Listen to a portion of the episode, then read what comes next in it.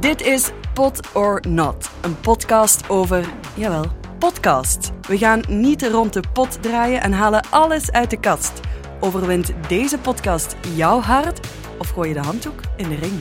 Deze checkdown gaat over geschiedenis voor herbeginners. Let's go!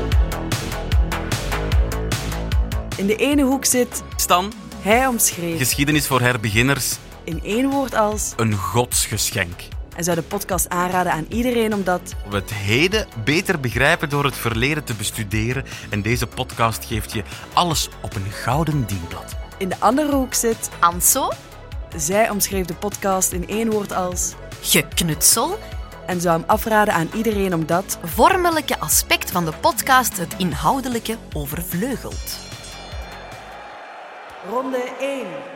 Eh, tijdens de eerste lockdown ging ik op zoek naar een, een podcast om mijn zinnen zo wat te verzetten. Eh, geschiedenis heeft mij altijd geïnteresseerd, maar die kennis die zit soms onder een hele laag stof. En eh, van de saaie lessen in het middelbaar ja, is er evenveel blijven plakken als een ongare spaghetti tegen de muur. De naam van de podcast dekt dan ook volledig de lading. Hè. Eh, ik, had, ik had nood om zo wat te, te herbeginnen. En deze podcast deed het stof beter af dan de nieuwste Dyson en voegde een gouden randje aan kennis toe.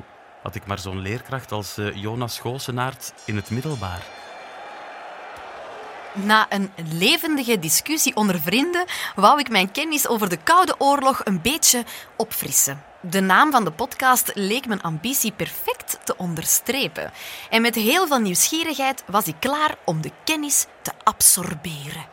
Ja, dit bleek uiteindelijk even efficiënt als de afwas met olijfolie te doen, omdat er toch een paar dingen me bleven afleiden van de sterke inhoud van deze podcast. Ronde 2. The bigger picture. Waanzinnig hoeveel context er in elke aflevering geschetst wordt. Maar dat is ook echt nodig. Geschiedenis kan je gewoon niet vertellen in enkele zinnen. Door het genuanceerd vertellen leer je zoveel meer bij. En kan je het ook veel beter vertalen naar onze huidige leefwereld. De balans zit ook zeer goed. Soms beperken ze zich tot de essentie om daarna op sommige onderwerpen echt diep in te gaan. Wel, los van het feit dat ze inhoudelijk goed geïnformeerd zijn, zijn de Russische accenten die worden nagedaan echt een, eh, ja, een onvergeeflijke flater. Maar het ergste vond ik de aflevering met de Antwerpse dames. Ik heb hier helemaal niets van bijgeleerd en ik heb nog altijd spijt dat ik hiernaar heb moeten luisteren. Laatste ronde. Ik vind het wel sympathiek dat de podcast gestart is als een hobbyproject. Maar ja, dat hoor je jammer genoeg ook aan de kwaliteit.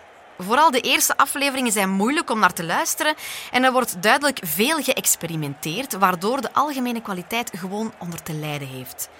Toen de audiokwaliteit uiteindelijk toenam, ging de inhoudelijke wat achteruit. Geschiedenis wordt in deze podcast echt tot leven gebracht. Geen, geen saai gelul uit een boek, maar verhalen met een komische ondertoon die echt leuk zijn om te beluisteren. En van elke herbeginner in geen tijd een expert maakt. Veel aha-momenten later begrijp je het verleden echt beter. De link met de politiek van vandaag is nooit veraf, maar de heren houden het wel steeds objectief. Nog iets aan toe te voegen? Ik ben ondertussen overgestapt naar de podcast van Clara over Napoleon, Leopold II. Consistent en steeds verteld door ervaren rotten in het veld. Alsof ik plots mijn olijfolie inruilde voor drift. De makers die leren steeds meer van het podcastvak. Dit wordt steeds beter en beter. Eh, van een eh, ruwe diamant naar een 100 karaat edelsteen. Werkelijk een pareltje. Kan deze podcast de pot op of staat deze al in de wachtruim te luisteren?